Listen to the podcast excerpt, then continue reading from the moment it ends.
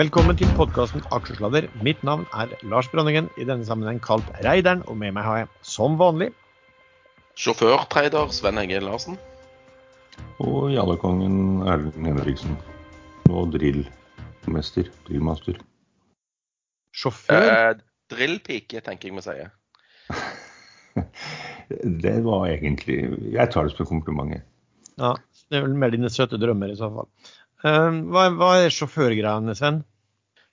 Nei, jeg har bedrevet uken eh, i, en, i en eller annen bil, eh, for det meste. eh, fordi at eldstedatteren er- var egentlig på en sykkeltur med, med skolen. eh, og så i tillegg skulle på sesjon til Kristiansand. Eh, så da ble det veldig mye logistikk. Og så en kone som sjåfør ned til Kristiansand. Klarte å punktere på veien hjem.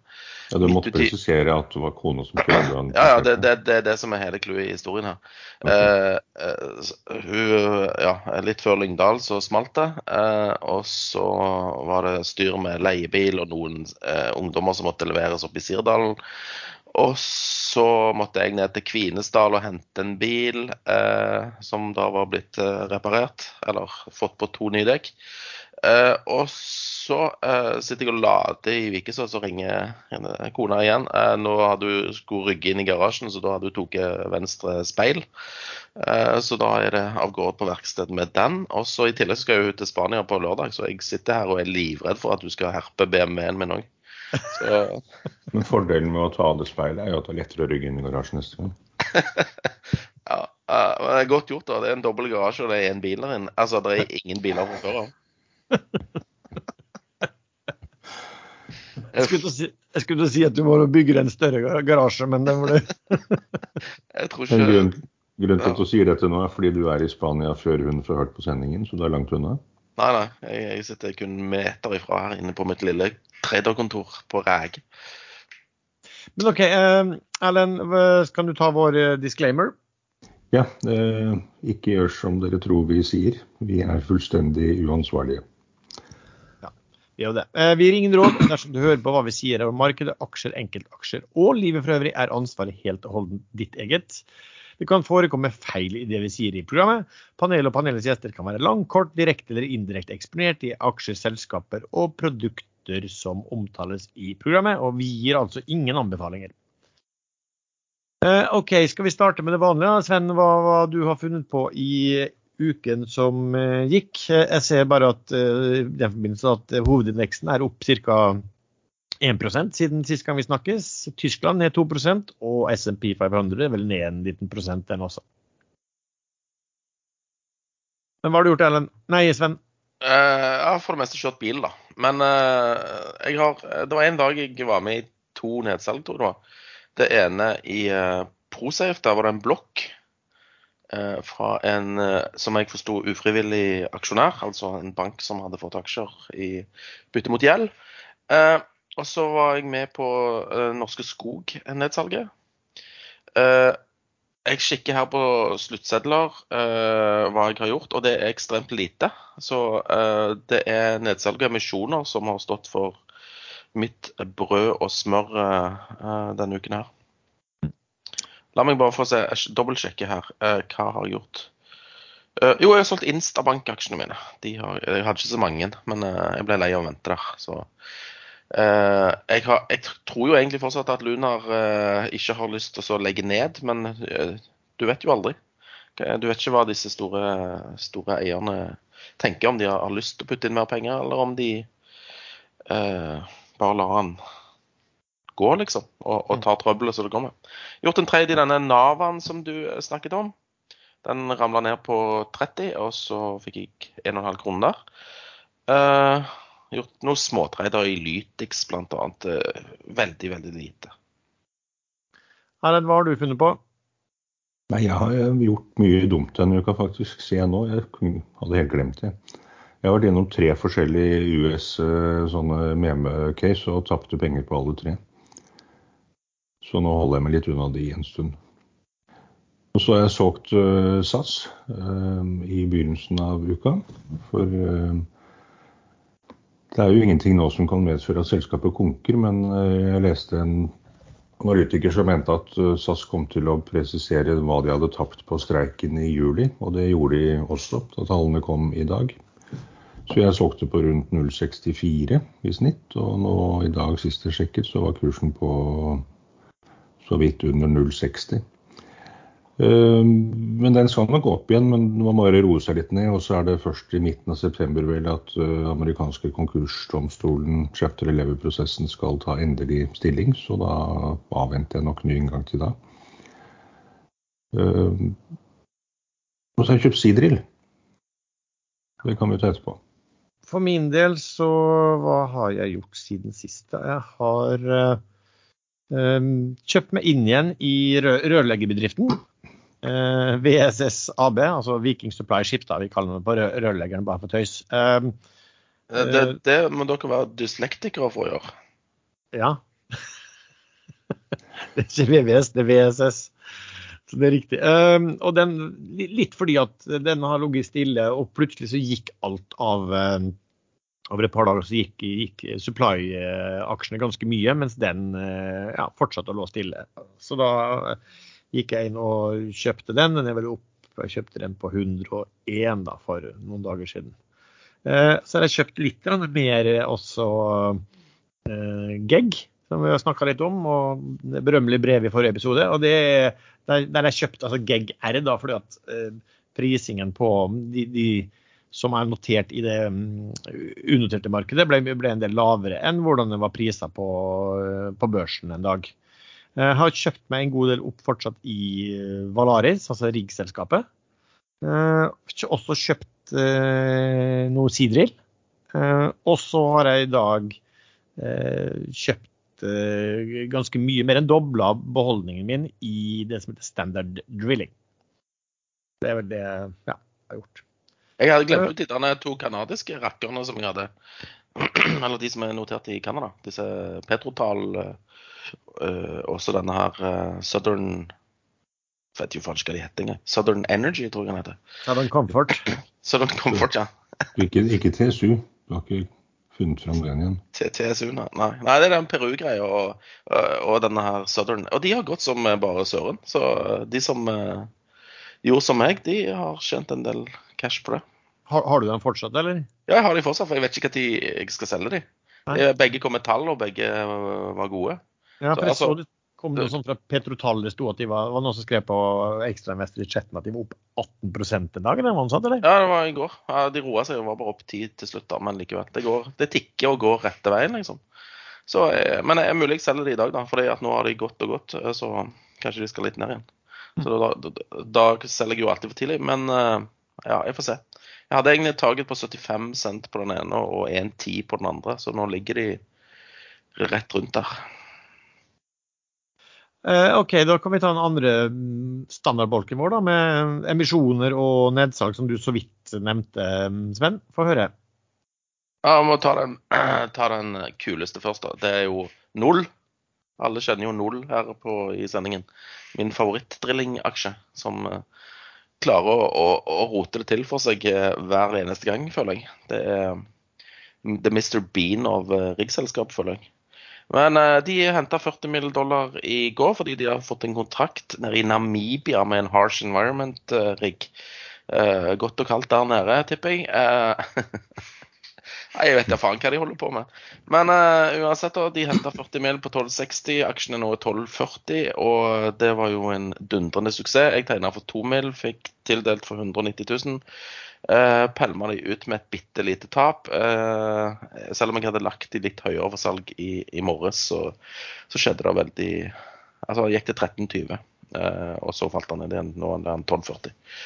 Så uh, det var stor interesse, og, og, folk som jeg kjenner, liksom, som er Altså, de gjør ting i markedet, men uh, en ringte og skulle liksom belære meg om nulliger, og dette tenkte jeg, da, da er det stor interesse.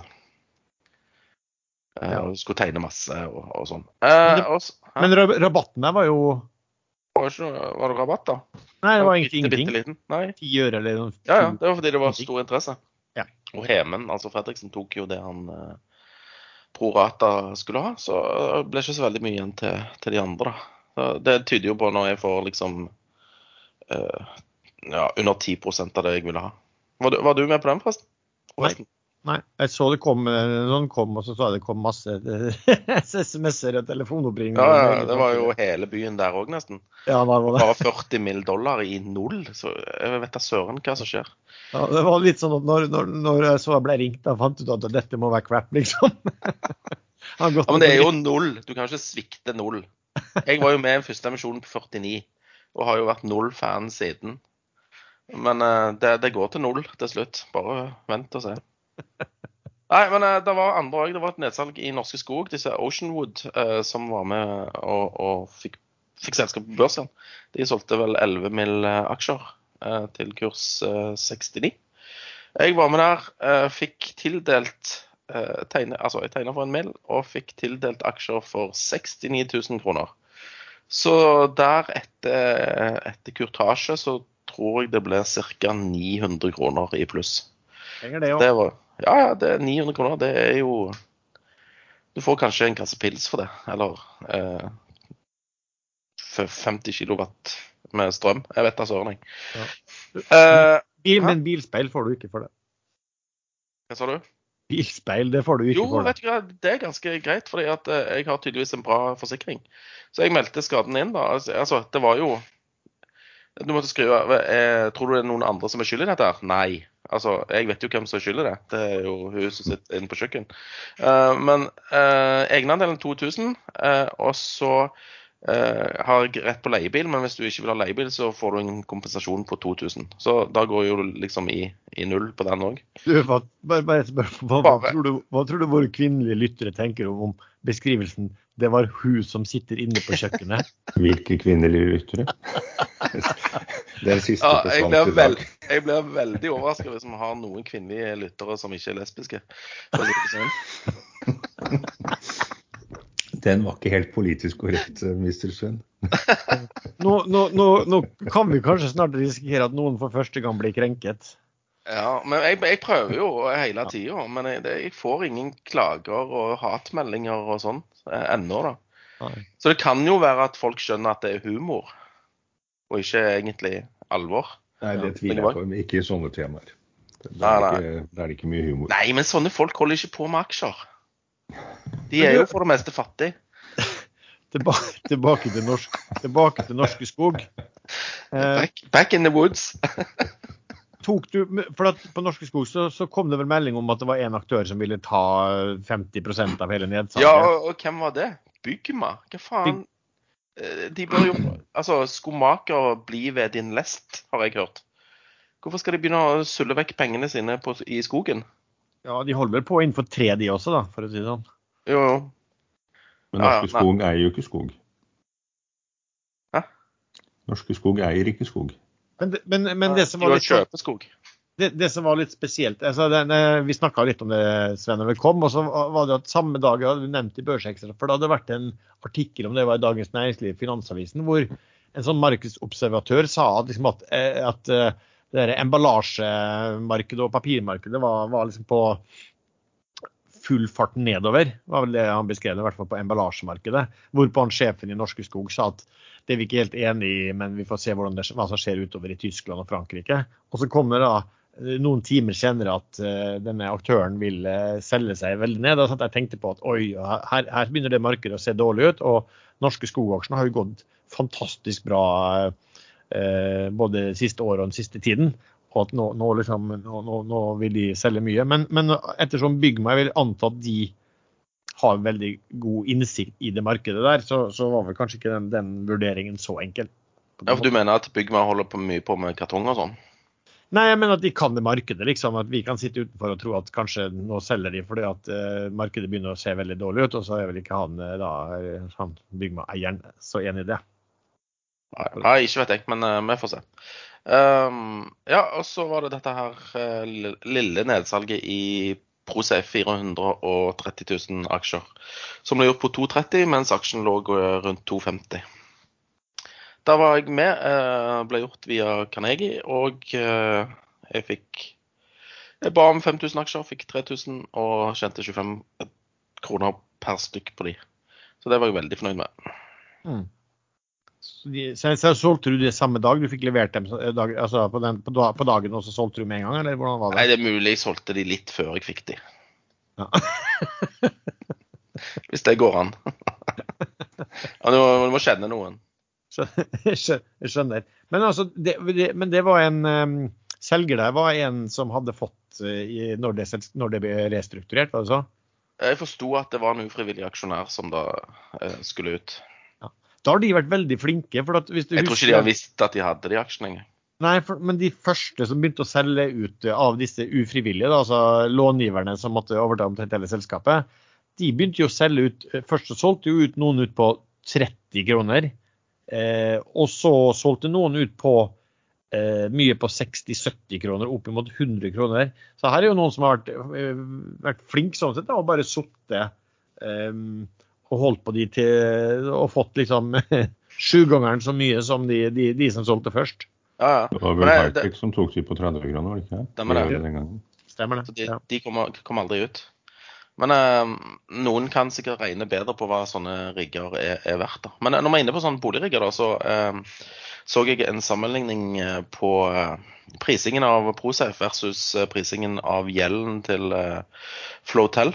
Eh, og, og du kan kjøpe en sånn eh, boligrigg eh, på 54 millioner dollar via eh, obligasjonen i Flotel, mens du betaler sånn 84 for eh, Prosafe. Eller nå har aksjen kommet ned litt.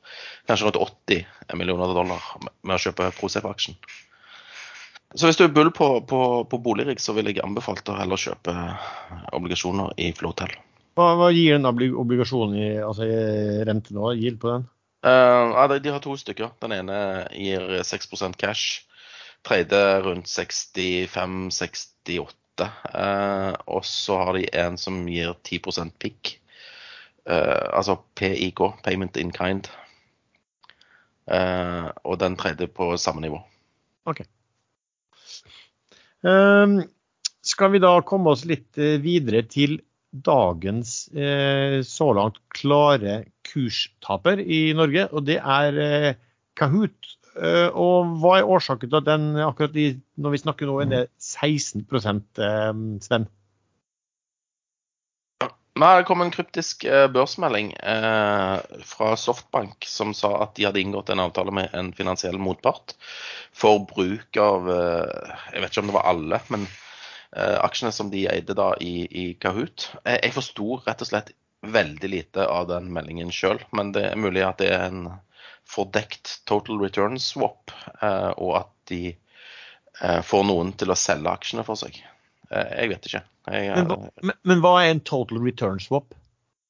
Nei, det er at noen andre altså overtar holdt på å si, råderetten på aksjene i, over en viss periode. Ja, Har er, jeg forstått. er, det ikke, altså, er det ikke litt sånn contract for difference lignende, på en måte? Eh, Jo, jeg tror det er en syntetisk, uh, syntetisk uh, aksje. Ja, altså, det er vel det, fordi at det som sier at den hvis, altså det, det er, en- er, har jo vært brukt da, som en sånn type lånefinansiering. ikke sant? Hvis du eide den her, og så ville du heller belåne den, så kunne du heller eh, overføre den til banken din. Og så kunne du inngå avtale med banken din om at du skulle ha du skulle betale noe rente for det, og så skulle du ha kursoppgangen, og, og, og du måtte betale dem kursnedgangen. Ikke sant? Det, det er jo det som var meningen på det. Men Ja, denne, men, men var ikke det mer som en gammeldags terminkontrakt, det, da? Jo, det blir jo Det på en måte det Ja. blir jo på en måte det. Du, du eier ikke aksjen. Det du eier formelt, da, det du eier er eh, Du eier retten til kursoppgang, skråstrek, må dekke kursnedgang. Mm. Det er Ja. egentlig.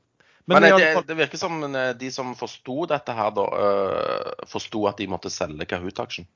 Ja, fordi at altså Jeg prøvde også å lese den der, og, og, og det var mye mer tekst i den der enn hva det er vanlig når de, når de melder en sånn total return swap. Og i den teksten så var det jo også noe om at uh, altså Det var veldig kronglete skrevet, og det er jo på engelsk selvfølgelig, og liksom om hvordan da de som har overført, fått disse aksjene, i eh, kan håndtere de, og det var herunder at de kunne selge og hedging og bla, bla, bla. Så, så, så det, denne her kom egentlig fordi at Softbank eh, ikke sånn som jeg forstår det, eh, fordi at de har inngått den avtalen, men fordi at eh, det var solgt aksjer, sånn at de var kommet under 15% Ja, det, det var rett og slett en eh, flaggemelding og en beskrivelse av hvordan disse egentlig var solgt, tror jeg.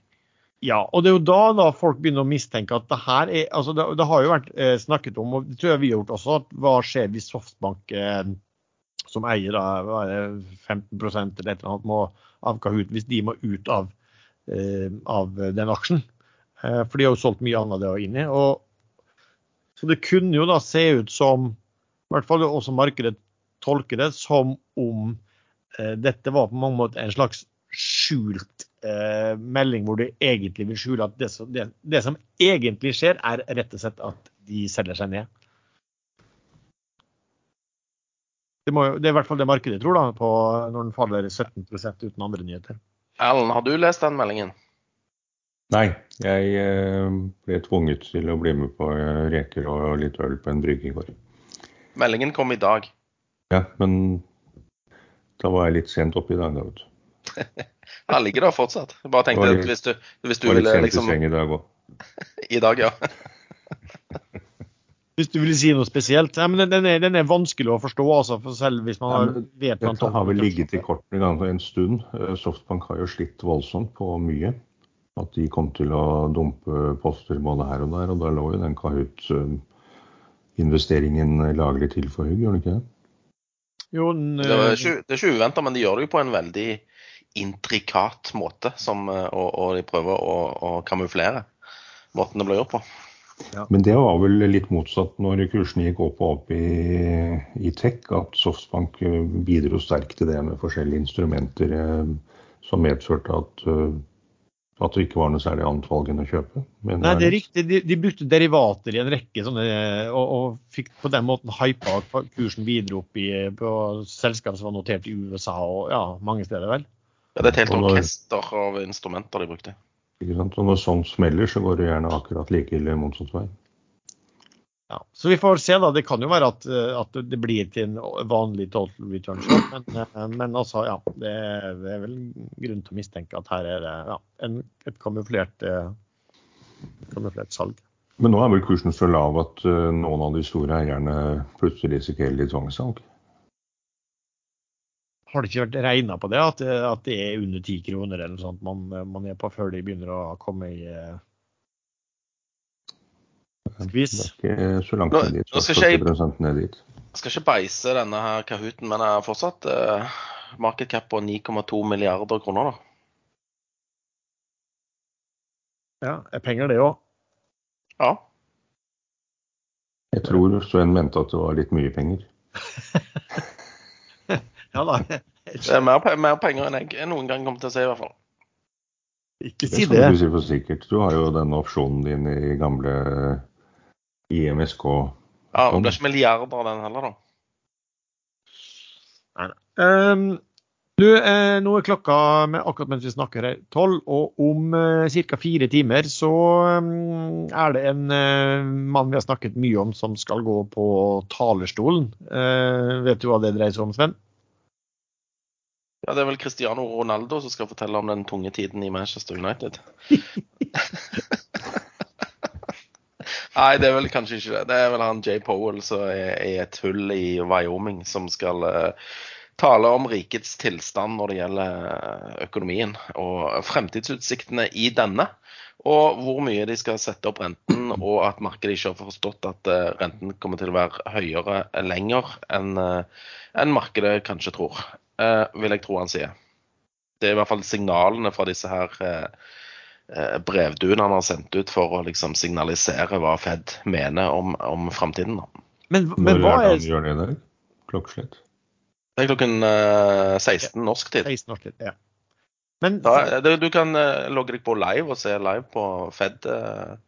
Fed.gov. Jo, men eh, jeg sitter allerede da og varmer opp på Ondermar. Det er jo eksetreff på Ondermar i dag fra klokka 17. Spør, om, spør om de kan sette på uh, live fra Jackson Hole. Ja, det kan jeg gjøre. Det blir helt sikkert godt mottatt. du blir sikkert, blir sikkert kasta ut. De regner med at de tror det er noe perverst et eller annet. Jeg har allerede sagt at det er eh, investorer mellom 18 og 82 år som kommer, så 82. Ja, vi har en fra Nord-Norge som er over 80, faktisk. Men han kunne dessverre ikke komme. Men du, da har du utelatt deg selv da, fra den uh, rangen? Ja, det gjør jeg konsekvent. du, men uh, Sven, hva er det med den altså, hva er det med den der Jackson og Hole? Hva, den der, hva er det? Nei, Hvert år så inviterer Fed-distriktet i St. Louis til en sammenkomst i Wyoming, i en by som heter Jackson Hole. Der skal de avholde sitt årlige symposium, hvor de snakker om fremtiden for amerikansk økonomi. Dette er liksom en tradisjon. Ja. Og det er visstnok veldig fint sted. Jeg har aldri vært i Wyoming. Men eh, ja. Jeg vet ikke hva Wyoming er kjent for.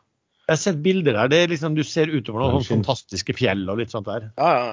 Så det er liksom, og det legger han alltid til helgen. Så jeg tror det er, jeg tror det er vill fest blant Fed-komitémedlemmer og, og, de andre fremmøtte. Årsaken til at det ble lagt dit i Wyoming, Wyoming av alle steder, var visstnok at han eh, Fed-sjefen som heter Jeg tror det var han Folker som han heter. Uh, han var veldig glad i ørretfiske. Det var vel så veldig bra ørretfiske akkurat der, så derfor ble det lagt dit. Det er sikkert der den uh, årlige rakfiskfestivalen i USA uh, foregår. Rakefisk? Rakefish. Rakefish. Rekefiske. Ja. Men hold, Men, det, det, det, det, høres jo litt ut som en sånn uh, strippebarsted òg, da. Sikker på det ikke er.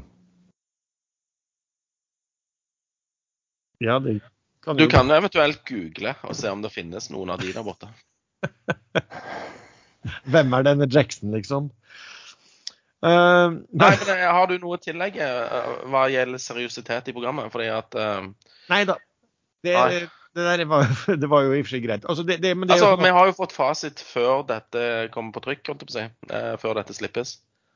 Ja, men nå har vi jo snakka om dette her før. altså de, de, er jo veldig variable, da, Fed, eh, Sven. Av og til så, så starter de Han Pavel også, han starter liksom haukete, og så sier han noen ting som er duete. Altså Haukete betyr liksom at da, da skal han være veldig tøff med, med å øke renten og stramme inn inflasjonen. Og så kommer han med noe duete igjen i, i, omtrent setningen etterpå, som tilsier at de ikke skal være så veldig mye. Det var jo det som skjedde sist gang også. ikke? Ja, ja. Og da blir markedet beroliget, og så slapper de av. Og så, slapp, så, slapper det for mye av, og så kommer, sender de ut sånne brevduer som sier at eh, da må ikke slappe av så mye fordi at det, det, kommer til å være høy rente litt lenger enn, enn dere tror. Ja, men det, dette er jo en veldig genial og fin måte å ikke krasje markedet på. da. Ja, altså det, det er jo en sånn massasje av, av markedet. Men de sier jo litt mot seg sjøl også, så vi, vi får se, da. Men i hvert fall den den, den, talen man bruker å ha da på, i, i Jackson Hole, den bruker å være veldig veldig uh, imøtesett av markedet. Så, så klokka seks, nei, fire i dag så er det verdt, verdt å følge med både live hva han sier og ja, han pleier. De, pleier å slippe talen, så det kommer masse sånne headlines uh, allerede klokken fire. Og markedet er jo åpent i 20 minutter til. Ja. Uh, skal vi se. Du, uh, det, det skjer jo litt rundt omkring. Uh, jeg så en artikkel Erlend, om at eh, det er jo mye hetebølger rundt omkring. Og i Kina så det sto det snakk om at en, en, svensk artikkel fra Dagens Nyheter om at det var tidenes eh, globale hetebølge i et stort område nå i Kina. Du, hva, er det som, hva, er det som, hva som skjer i Kina? Hva som skjer liksom Nei, det, det, har jo nå vært tørke og ekstremvarme over lengre tid enn noensinne før i historisk tid. Eh, men det er ikke det som er det store problemet, at, at det blir sånn. Det, det, kan jo skje, verden er stor. Men det skjer samtidig i Kina, Europa, USA og andre deler av verden. Og det etter at vi nå i, etter jul en gang, så var det varmerekorder på både Nord- og Sørpolen samtidig. Det har aldri skjedd før i historisk tid. Så varmerekord, vil Si at det kanskje var bare 20 kuldegrader, men det skulle vært 40. Så, men det, verdens klima er litt i ulage nå, så kan sikkert noen finne noen solflekker, og andre kan finne noe El Niño eller uh, lillebroren eller storebroren eller søsteren eller hva det nå er for noe. Uh, men det er litt, litt for mye som peker i en retning nå. Så ja, det er jo ikke bra, og det får jo enorme ringvirkninger. Eh, både på matproduksjon og på eh, strømproduksjon, som gjør at fabrikker må stoppe. Eh, eksport blir problemer igjen. Så der har vel Sven en liten historie om, om et viktig produkt for de som liker pølser. Ja, det har jeg, men, men, men hvilke kontinenter er det ikke tørke på? Ikke, ikke ikke, ikke si Afrika. Jeg har ikke hørt noe, men jeg har ikke lest så godt, fullt så godt med heller. Men Australia har jeg ikke hørt noe spesielt om i år. Nei, altså Hvis noen sier at det er Men- tørke i Afrika, så blir jeg jo ikke veldig overraska. Nei, det er enorme problemer. Og det er også i land i Afrika hvor det ikke har vært eh, plaget med tørke og sult og hungerkatastrofe før. Og det kommer jo oppå eh, problemet med matleveranse fra Ukraina, som er en av verdens største kornprodusenter. Så både egenproduksjon og import eh, stopper opp. Da blir det, blir det problemer. Så det er litt mye ringvirkninger og litt store problemer samtidig nå. Så vi Men- må nok belage oss på at det blir verre før det blir bedre. Men et problem altså for Kina var jo da som sto i den artikkelen også, var jo at det var store strømavbrudd um, som følge av dette. her. Jeg antar at de har vel sikkert en del vannkraft og litt sånn der uh, også. uh, som gikk ut over altså både, både private og også bedrifter der. Så, så det er jo liksom ting som um, også fort får virkninger da, for hva skulle du si, både for aksjemarkedet, eh, hvis det medfører at eh, det blir eh, lavere aktivitet eh, i Kina. Ja, nei, Hvis du hadde hørt på meg da jeg snakket, så sa jeg akkurat det for to minutter siden. Ja, men jeg gjorde jeg gjorde jo ikke det, så helt åpenbart. Men, men, men tilbake til, til ringvirkninger og produkter det kan bli eh, mangel av. Og, og Erlend er veldig opptatt av pølser for, av en eller annen merkelig grunn. Eh, så det er, er mangel, global mangel på sennepsfrø. Så denne Dion, eh, Mile Dion-sennepen, som jeg spesielt bruker til jul da, i forbindelse med å ha Jeg tror det heter Dijon. Ja, Dion, da. Céline Dion. Det er hun som er derfra. ja, samme det. Men det er tørke i Canada og eh, krigen i Ukraina eh, har ført til at sennepsfrø fra Ukraina og Russland ikke kommer til markedet, mens eh, tørken i Canada har, har ført til samme årsak. Så butikkhyllene i Frankrike er allerede tomme for denne Dior-sennepen. Så eh, Norge òg. er det tomt der òg? Ja. Faen, jeg skulle, jeg, skulle ned og hamstre litt i dag, jeg. Det var noen få butikker som hadde det, men de har ikke mer på lager. Jeg skulle å si at det, du hørtes ut som du sa noe det med alarm i stemmen, Sven. når du... Ja, jeg, jeg hadde en plan i dag om å kjøpe faktisk, Jeg pleier bare å ha Jeg kjøper ett glass med sånn Dion-sennep, eh, og det varer et år. Eh, Fram til neste jul, liksom. Men nå eh, begynner det å Nå, nå er det under halvt det glasset jeg har, har igjen. da. Som Jeg har et uh, uåpnet glass i i skapet. Så, Den kan, hvis du bare venter litt og har litt is i magen istedenfor Ja. pølse, så, så tror jeg du kan kjenne godt på det glasset der. Det var som suragurker, eller eh, ikke sur, de er ikke veldig sure. Parisagurker i fjor. Ja, ja. Så mens befolkningen eh, uroer seg for høye strømpriser, så er din største bekymring akkurat nå, Sven, det er den Dion-sennepen din. Eh, På ribba, ja. Ja. Jeg tror ikke det Tenk hvis det blir sånn denne svinemangel òg. Fordi at alle grisene i Kina har tørka inn, liksom. Ja, det er faktisk et eh, gigantisk problem. Det, skogen dør jo også. Og planter overlever en viss periode med tørke, men ikke en lang periode.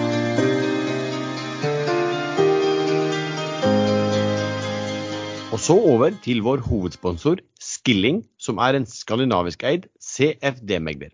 Skilling tilbyr lynrask handel i norske og globale aksjer, indekser og ETF-er, olje og andre råvarer, valuta og mer enn 50 forskjellige kryptovaluta. Skilling har en rekke forskjellige handelsplattformer og trading-apper. Skilling Trader, Metatrader 4 og C-Trader. Du åpner konto med bank-ID, og alt kan handles med eller uten giring, long eller short, til meget lave kostnader. Skilling har nylig nærmest fullstendig fjernet spreads på kryptovaluta, samtidig som de nå også tilbyr kryptohandel uten giring. Spread på bitcoin er eksempelvis bare en halv dollar, og enda lavere på de andre 50 pluss kryptovalutaene som Skilling tilbyr. Med i praksis ikke-eksisterende spredder og en kryptokortasje fra bare 0,1% er Skilling nå sannsynligvis den desidert billigste kryptomegleren på markedet. Dette blir spesielt merkbart sammenlignet med tradisjonelle kryptobørser med til dels store vekslingskostnader. Bruker du Skilling til å trede CFD krypto uten giring, betaler du heller ikke renter. som sagt. Skilling tilbyr kortasjefri handel i nærmest alt av finansielle instrumenter til veldig konkurransedyktige priser. Skilling har kundeservice på norsk og industriens laveste kostnader på kryptohandel. Sjekk ut skilling.no om du ikke allerede har gjort det, og åpne Skilling-konto med bank-ID. Risikoadvarsel. 66% av ikke-profesjonelle kunder taper. Fullstendig advarsel på skilling.no, og kryptotrading er ikke tillatt for britiske kunder. Og lenken til Skilling finner du i beskrivelsen til denne episoden. En annen ting. Um, gassprisen har jo gått veldig mye opp på kontinentet. Slått nye rekorder. Jeg husker ikke hvor, når man regna det om noe, gassprisen, naturgassprisen i forhold til olje, hva, hva det ville tilsvare i, eh, per fat olje. Men var det sånn 500-600 dollar fatet eller et eller annet sånt? Uh, helt vilt. Men eh, og nå er vi sikkert inne på ting vi ikke kan noe men så, altså det var en som var en sånn økonom som var ute på Twitter og sa at, um, at, at det er kanskje litt hysteri rundt en del ting her. For han, Det han viste en graf på, var at EU har jo da sagt at for å beskytte seg, så uh, bør landet sørge for å fylle opp lagrene. og Jeg vet ikke om det var, jeg tror det, det er 80% som de, liksom, de sier det minimumet. Og, og, nå er vi jo for, før vinteren, og nå er vi i august, og det viser at de aller fleste var jo kommet over 80% sånn som Tyskland også. Um, sånn at lagersituasjonen virka jo da komfortabel. Så ble han jo da sagt at ja, men det er jo problemet er at vi ikke får levert gass. Og da viste han en graf som sa at, ja, at Russland hittil har levert eh, stort sett i takt med det de sier de skal. Sånn sett da. Så akkurat så, så er spørsmålet hva er problemet? Men problemet er vel likevel at eh, man er redd for at russerne skal bruke gassen eh, som våpen. Og da eh, vil jo den gasslageret kanskje fort kunne, kunne desimeres, da. Men, eh, men eh, som sagt eh, Jeg syns i hvert fall det var interessant da, å se at, at gasslagrene var kommet såpass høyt, og at hvis Russland da Hva skjer med gassprisen da, hvis, hvis Russland faktisk viser seg å fortsette å, å, levere som de skal utover vinteren? Hvem er det som skrev den artikkelen, og hvilken periode var det? At de har levert det de skal? Stenvold Larsen heter han som skrev det? Sånn, ja, han er jo stort sett dyktig. Andreas Stene Larsen. Han var så irritert, da, for han mente at på, på Twitter, så finanstwitter så var liksom folk mest mulig opptatt av å av å eh, liksom heie fram og krisemaksimere. Uh, han skrev liksom at Finance Twitter just wants to see Europe run out of energy. Han syntes det var litt sånn, litt sånn disgusting. Da hadde han eh, oversikt over alle disse landene. Og det han skrev også, at når han posta dette, her, hvor mange som faktisk har kommet seg over de 80% altså Fill level på, på Tyskland var 81,1 forresten. Eh, Italia var på 80,1. Frankrike var på 90,1. Um, nå er det vel sånn med alle disse lagrene at uh, de er jo ikke ment å skulle være eneste leverandør av gass. Det er ment for å fylle på hvis det blir litt mindre leveranser. Så hvis Russland stopper opp helt, så er de lagrene tomme på noen dager. Nei, det tror jeg Jeg mente at det var snakk om at de kunne ta med det de fikk fra andre steder og sånn, så kunne det vare noen måneder på det. Skal vi se, her må jeg finne denne lenken til uh, ja, det, det, er ikke så lett å dele det, men, men liksom, eh, han hadde i hvert fall en graf som viste hvordan, hvordan det var, faktisk ble levert eh, gass eh, så langt. da. I Aftenposten i dag står det en artikkel som også viser til NASA og satellittbilder av russisk flaring av gass på grensen til Finland. Som i seg selv er litt uh, merkelig, for da har de fraktet gassen 3000 km fra feltene hvor det produseres, før de brenner den opp. Og den frakten koster mye. Så, så konklusjonen var at det høyst sannsynligvis var en politisk markering. De ville vise Vesten at de brenner gassen, at de er villige til å gjøre det. Og det var store mengder.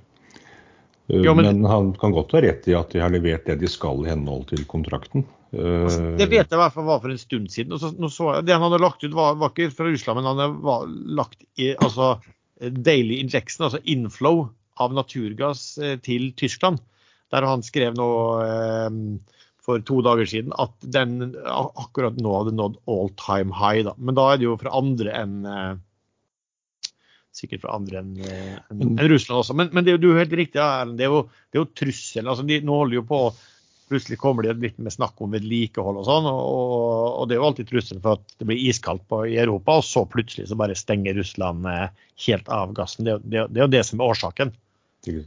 Men det, det, han skrev at krisemaksimeres, det kan faktisk være politisk villet. At man ønsker å krisemaksimere nå for å både få folk til å bruke mindre enn man har gjort før. Innføre sparetiltak og enøktiltak osv. Men også kanskje ta litt av toppen og fylle opp lagrene mer enn de ellers ville klart, hvis folk ikke sparer på gass. Sånn at de har mer å gå på i vinter, hvor det virkelig kan bli problemer.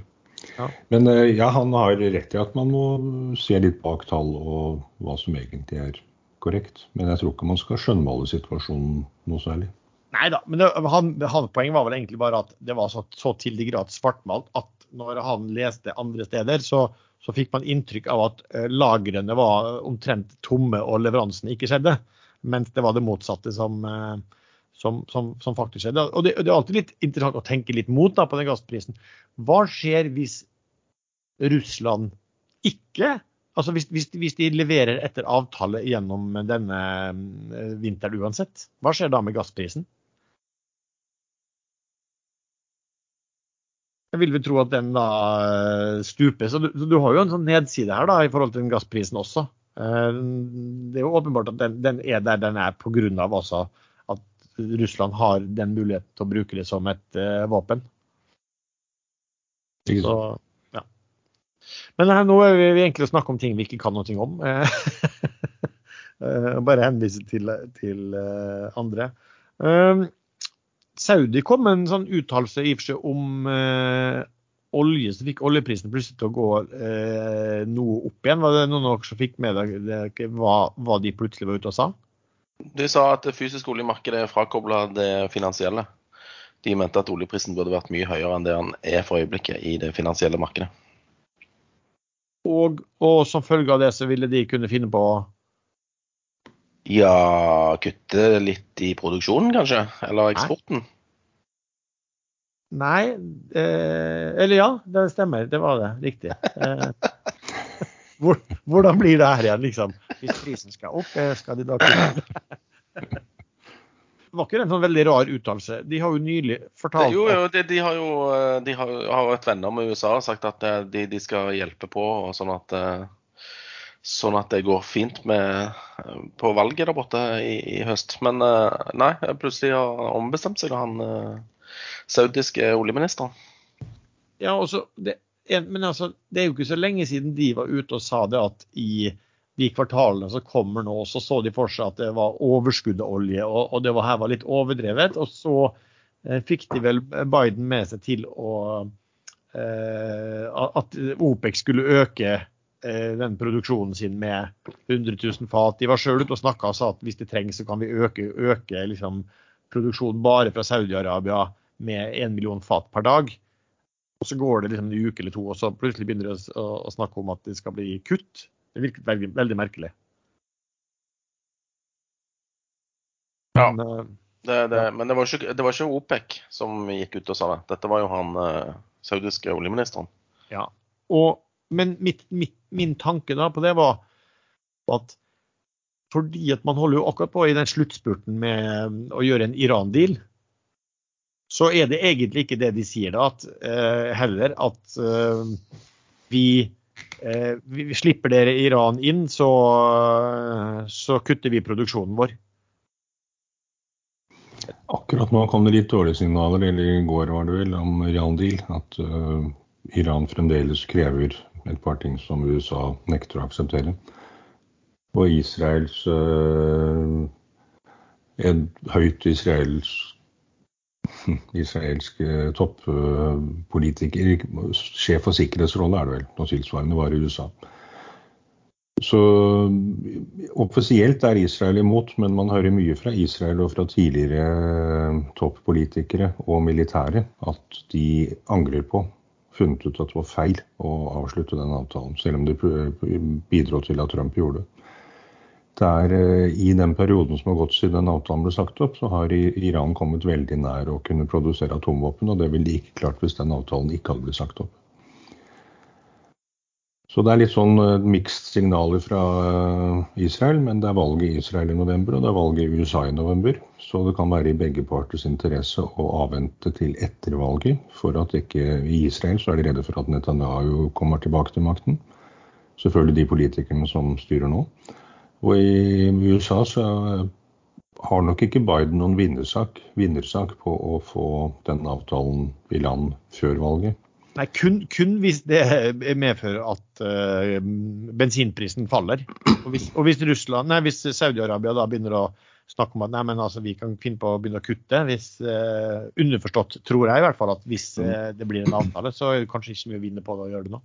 Nei, for Saudi-Arabia kan jo kutte mye raskere enn Iran kan øke. Det tar jo litt tid før Iran kommer opp i en viss produksjonsevne. Ikke sant. Uh, en annen da, som var interessant, oljeselskap og, eh, og eierselskap på Oslo Børs i, nå i løpet av uken. DNO og Rak Petroleum, hvor Rak Petroleum som eier mye av DNO, fikk en opptur på eh, over 60% vel, på den ene dagen, men kanskje var 70 også. Eh, Sven, hva var det som skjedde der? Rak har jo vært en stor eier i DNO eh, lenge. Og han der han er Bian et eller annet eh, fra Arabia der, eh, har vel vært styreleder i, i DNO. Eh, eller jeg vet ikke om han er det nå. Jeg husker ikke. Men eh, uansett, eh, de inngikk en avtale, DNO og RAK, om at DNO kjøper eiendeler fra RAK med betaling i DNO-aksjer. Og i tillegg så sier RAK at vi skal ta og dele ut disse DNO-aksjene til eh, våre aksjonærer og legge ned eh, RAK-selskapet. Så han tømmer på en måte RAK, og, og, og så kjøper DNO eh, eiendelene fra, fra, RAK da, til en eh, avtalt sum. Ja, Og hvorfor får du da kursoppgangen i RAK på det? Da kommer de underliggende verdiene i RAK til syne. Uh, og markedet Altså, DNO falt jo, uh, mens RAK gikk opp. Så kanskje noen tror at RAK får en god pris for de eiendelene de hadde. Og RAK har vel alltid handla en del rabatt, rabattert i forhold til uh, eierskapet i DNO, da. Ja, Som, nesten, 40-50 ja, det, det, er litt sånn tre. Altså denne Treasure som du maser om en gang i halvåret. Det er litt av den samme historien der. Liksom, ja. du, du har rabatt på underliggende verdier. Ja, og det, og det har vært litt fordi at nå har vel RAK solgt ting til DNO før.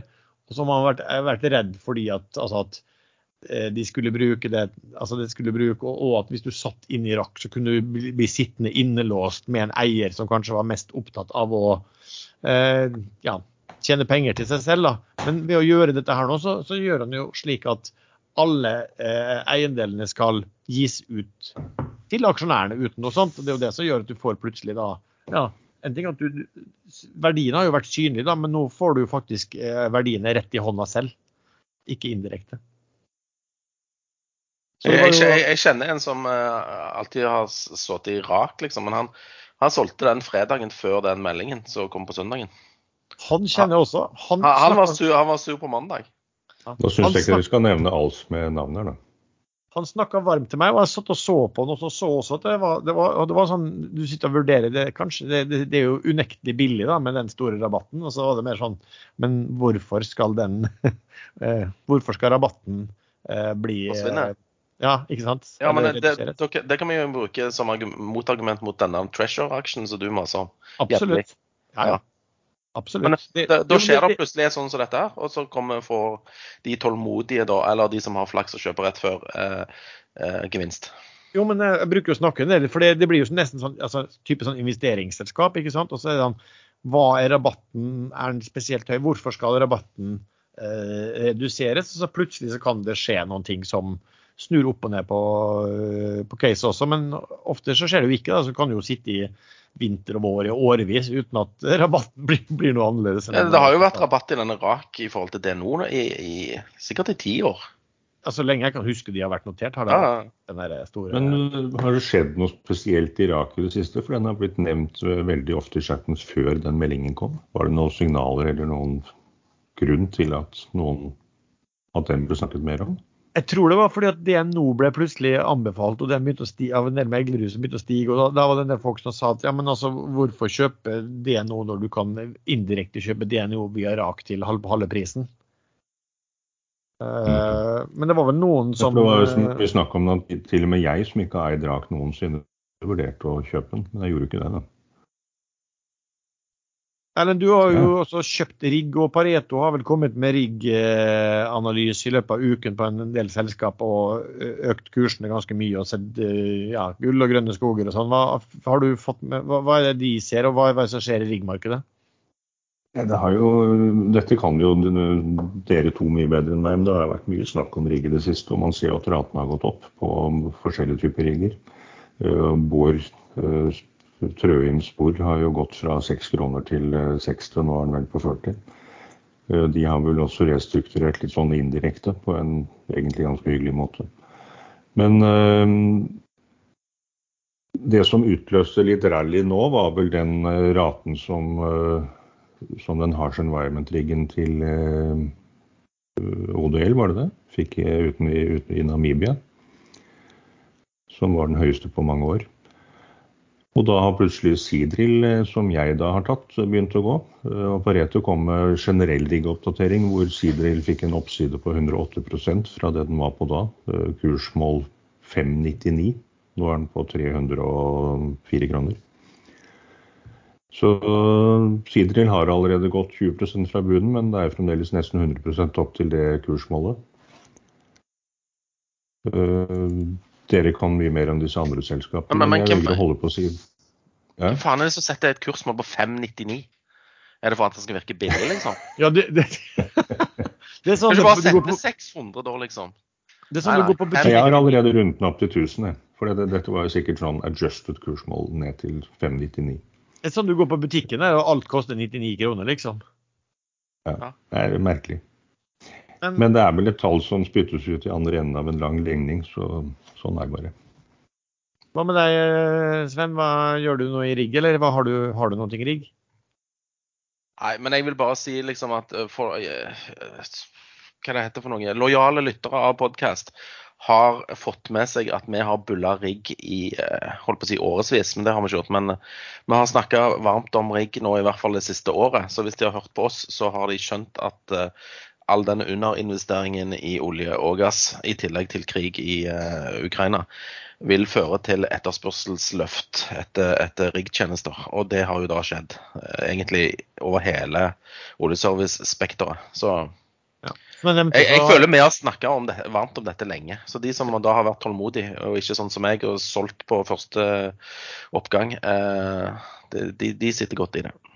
Jeg hadde jo som jeg nevnte kjøpt uh, Valaris også, som ofte regnes som å ha mindre, betydelig mindre risiko enn en del av de andre. for at de ble jo restrukturert og har en annen, helt annen balanse. Uh, men der var jo også Pareto ute og hadde vel også rundt uh, ja, 100% oppside de også på den, på den, på den kursen. Ja, Men altså, hvis du ser på Null nå, som da satte en emisjon på 1260 massivt overtegna og sånn, nå begynner den å nærme seg 12 blank her i mens vi snakker. En av de grunnene forresten, jeg kan, kan nevne litt senere, men til at jeg kjøpte SDSD i dag, er jo også fordi at de eier en del av et riggselskap som ikke er notert. Så det heter Dolphin? Det er Dolphin. Jeg, kan men, jeg, jeg, har en avtale med et karosseriverksted nå klokken 13, så mulig å speede opp litt. Ja. ja. Men bare ta kort, du nevnte bortimot selvfølgelig Russlands invasjon av Ukraina som en av årsakene til at alt innen ring og oljeservice går som hakka møkk. Det er jo da en betydelig risiko hvis noen skulle klare å styrte, styrte Putin, eller han av en eller annen grunn innser at den krigen ikke lar seg vinne, og den stopper, og ting normaliserer seg. Jeg tror ikke ting vil normalisere seg hvis han fremdeles sitter med vakten. Men hvis han blir vippet av pinnen av litt mer moderat regjering i Russland, så, så tror jeg ikke akkurat rigg og oljeservice er det man burde sitte i sånn de første dagene, i hvert fall. Etter at det skjer. Jeg, jeg er ikke uenig. Ja, Vi har som vanlig fått en del spørsmål fra uh, lytterne. En av de som de har bedt oss kommentere, er jo Observe Medical, som er vel uh, ukens kurstabber som har vel falt 35-40% Sven, hva, hva er årsaken til det? Det kom, det kom tall og, og, kommentarer i Q2-rapporten som tilsa at de må hente penger eh, til fremtidig vekst. Og da eh, kom et sånt spøkelse som heter emisjonsspøkelse eh, gående. Og da blir folk livredde når når de ser det eh, spøkelset. Eller ser det spøkelset bli nevnt i det hele tatt.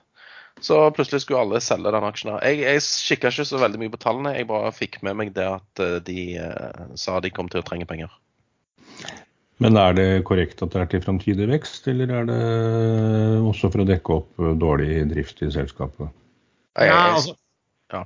De, de, er jo i en vekstfase, da. Altså de, de, for å si sånn, de må jo vokse, for de har jo nesten ikke inntekter. Det, det, er veldig lite. Og inntektene nå var vel av visse årsaker lavere enn samme periode eh, i fjor, eller om det var fra forrige kvartal. eller hva som helst, og de har jo også gjort oppkjøp. Så, så så, de er jo nødt til å vokse. Så kan det være at de har veldig spennende produkter, men det koster jo da salg. Og det går tregere enn hva de forventer. Så det, det renner mye penger ut. da. Vel det som er eh, problemet her. Og så er det jo klart at jeg tror nok at kurs, hvis jeg skal si det, at kursen også bærer preg av at eh, det har vært aktører ute i markedet som har fortalt eventyrhistorier rundt det selskapet der. Eh, og så oppdager folk nå at de eventyrene eh, da ikke stemmer eh, i det hele tatt. Og da blir jo kanskje salgspresset ekstra stort da også. Men, men bare sånn emisjon, så er det jo også sånn da, Sven, at hvis, altså, hvis du sitter som, i et børsnotert selskap, og så ser du at de pengene vi nå har med sånn som, sånn som, vi driver nå og skal ha tenkt planer på, hvis det ikke rekker eh, over et år, så mener jeg at du har plikt til å fortelle om det i rapporten. Ja, men da har de jo utført sine plikter til fulle, da. Ja da. Men eh, emisjonsspøkelse er veldig skummelt for mange. Ja, det er jo det. Og, vi, og den type selskap også. Som, hva skulle de som prises på framtidig vekst, eh, som ikke har vekst, og som eh, labrere vekst, og som kanskje begynner å hente penger mens folk ikke har vært obs på det, det, de blir også ekstra hardt straffet. Og så har vi spørsmål om, er den om Ensu, en surge. Ja, nå meldte de at de da endelig har kommet så langt at de kan sende eh, testbatterier til en eh, stor kunde. De kaller det vel en major kunde. De nevner ikke navn, og de sier ikke noe om Ja, nå er det ikke dette en bestilling. De, vil ha testbatteri for å prøve dette her. Og så nevnte de vel tre andre major-kunder i tre andre forskjellige bransjer som skal bruke disse batteriene. Det, det er jo selvfølgelig et lite stykke til på veien, eh, rundt et år forsinket i henhold til det jeg mener å ha lest i et par år. Eh, men da kan man jo skylde litt på korona og litt andre ting. Eh, men det at man leverer testbatterier til en bruker, det betyr jo ikke nødvendigvis at det blir en avtale. Det kan jo være at brukeren ikke er fornøyd eller at de må utvikle videre. Så kursen steg kraftig, nå har den falt litt tilbake. Eh, men det skjer ting i Ensu. Eh, det går skritt videre, så får man håpe at det faktisk er noe bak det, og at ikke det bare er eh, en stor pengemaskin for noen få utvalgte. Jeg har den ikke selv akkurat nå. Det hadde sikkert vært mye mer positiv hvis jeg hadde hatt masse. en, annen, en, annen, aksje som folk ble litt glad for, da, men som de ikke har vært særlig glad for her før, var jo da eh, sjakkaksjen Play Magnus. Eh, der kom det jo bud fra chess.com på 13 kroner, og da lå vel den aksjen på under 10. Eh, og det høres jo veldig fint ut, men den, den, aksjen gikk vel på børs på over 20 kroner, så, så 18, tror jeg. Nei, det tror faktisk at det var kanskje over 20. Men så var det en eh, stor israelsk investor som kjøpte seg en Paten for ikke så veldig lenge siden.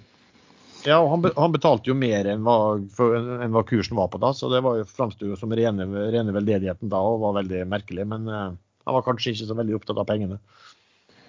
Men det var vel en uh, klausul her at man kunne velge å ta Chess.com-aksjer i de er unoterte i stedet. Uh, som kanskje er litt sånn gulrot i bakhånd. ja, men var, var ikke det bare hvis du var stor nok, da? Ja, det er mulig. jeg er litt usikker på det. Um, annet spørsmål vi har fått, et selskap vi har pratet mye om, er det har kommet en ganske kraftig oppgang i Kvekken. Quester i de siste egentlig dagene. Um, opp 10, 10 i dag til 10-13 også. Hva, hva, ligger til, hva, ligger til, grunn, og er det noe realisme i hva som eventuelt måtte ligge til grunn?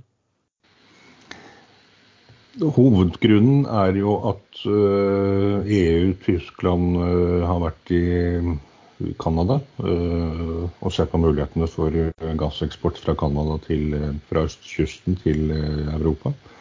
Og det har myndighetene uttrykt vilje til å bidra til. Men dette ligger mange år fram i tiden. Det, er, det skal bygges LNG, eksportanlegg osv. Og, så og sikkert rørledninger i Canada, rørledninger, før de får til dette. her. Rundt 2025 er vel det tidligste de kan klare det. Eh, men det som kanskje er eh, hovedgrunnen til at QEC stiger, det er jo fordi de har, eh, har hadde store assets i Quebec, som nå staten truer med, eller har truet med å ekspropriere og nekter dem å utvinne på. og De har også sagt at de skal ikke få en krone i erstatning. Visstnok begrunnet med at det er hovedsakelig utenlandske eiere. så det, det er litt merkelig hele greiene hvordan, hvordan Quebec skal klare å komme unna og ikke gi erstatning til et selskap som har blitt invitert inn for å lete etter gass og brukt mye penger, og så blir det ekspropriert. Men at men har de ekspropriert det, eller har de innført en lov som sier at man ikke, lov, at man ikke skal produsere, få produsere? Ikke skal få produsere. Men så har jo også QSC noen rettigheter i eh, landet til eh, de opprinnelige innboerne, First Nation eller hva de nå heter i dag. Man får ikke lov å si indianer lenger.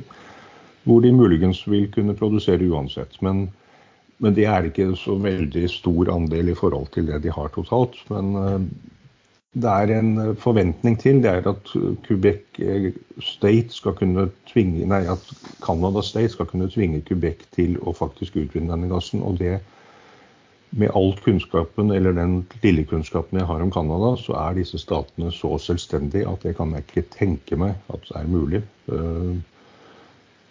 Men jeg kan ta feil, men jeg tviler sterkt på det.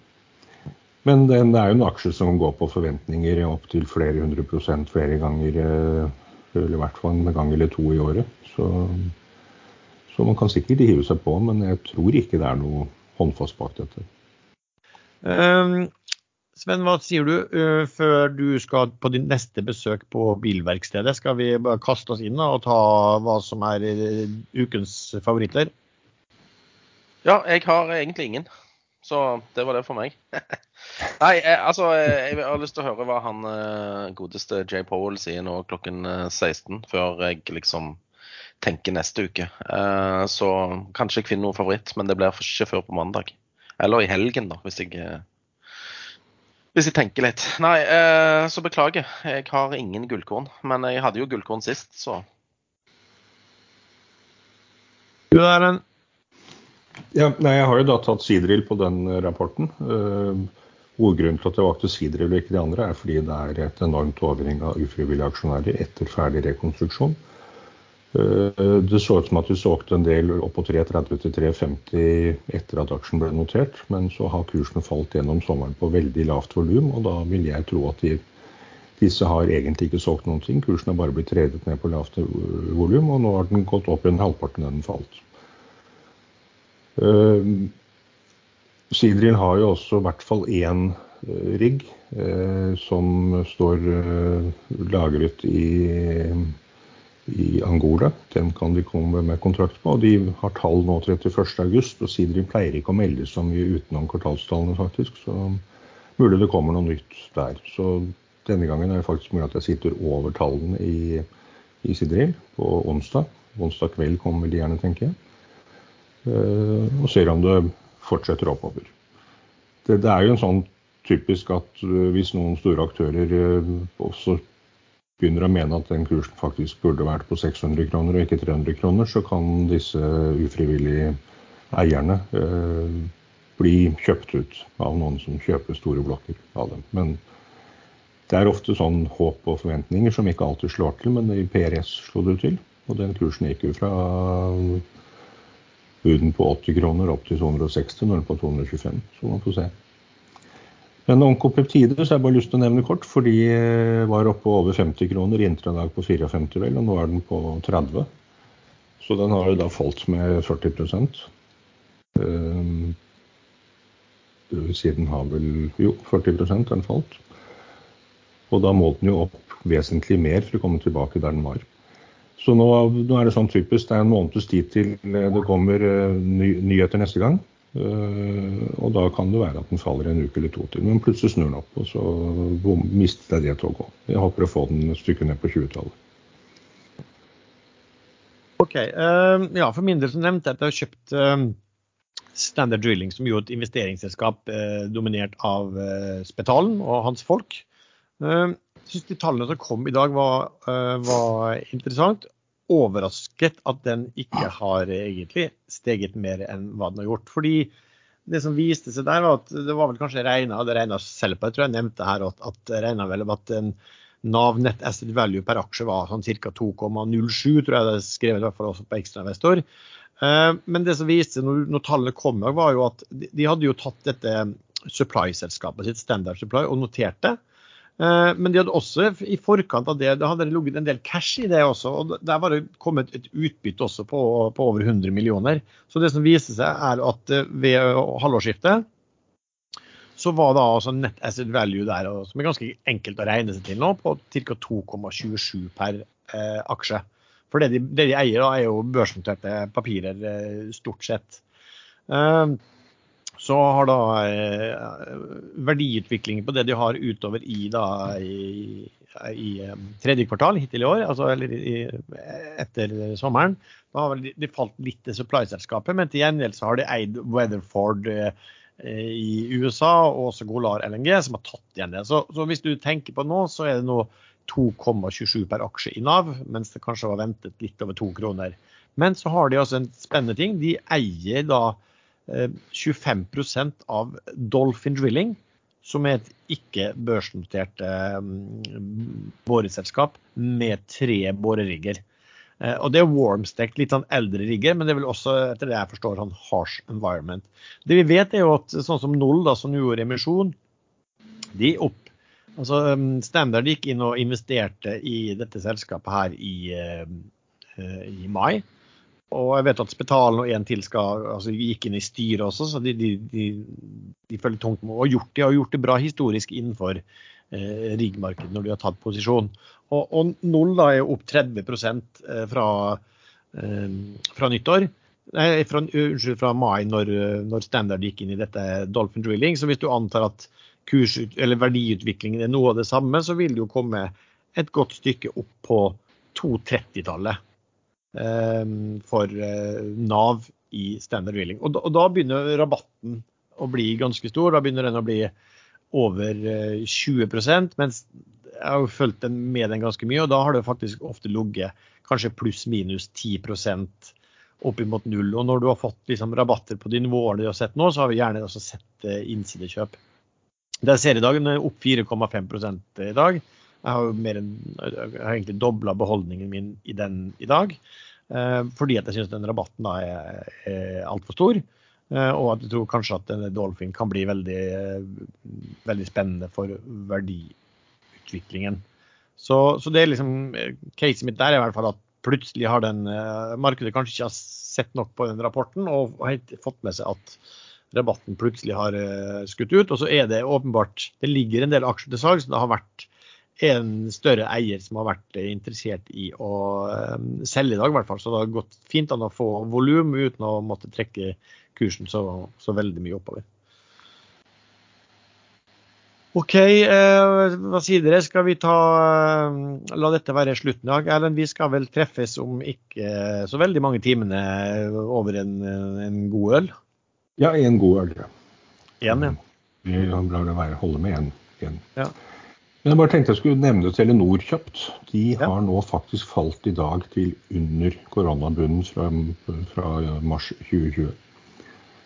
Uh, eh, nå kan jeg ikke veldig mye om fundamentalt i det selskapet, men det fallet har vært brattere enn det var i koronaperioden. Og når det faller under der, så må man tilbake til 2017 for å finne tilsvarende lav kurs. Sommeren 2017. Og teknisk sett så ser den ut som at den skal under 100, bare som jeg nevnte. Men det kan jo skje noe fundamentalt der som snur helt opp ned på, på det bildet. Men den ser, ikke, den ser, ikke, sterk ut i det hele tatt. Jeg tror den, altså den, den har vel hatt giver et bra utbytte. Problemet er vel egentlig at disse utbyttene har vært, altså, har vært eh, De ga vel i hvert fall mer utbytte enn hva de hadde i inntjening. Eh, og Sånn kan de jo ikke fortsette med. Så, og, ja, det er vel ikke noen sånn stor begeistring i aksjemarkedet for han toppsjefen der heller. Da um, skal vi bare takke til deg som eh, har lyttet til denne episoden. Um, vi, du treffer stadig oss tre innen chattene på Ekstrainvestor sin forum, eh, chatten vår. Uh, vi har også en gruppe på Facebook som heter podkasten Aksjesladder. Musikken er som vanlig laget av sjasko.com.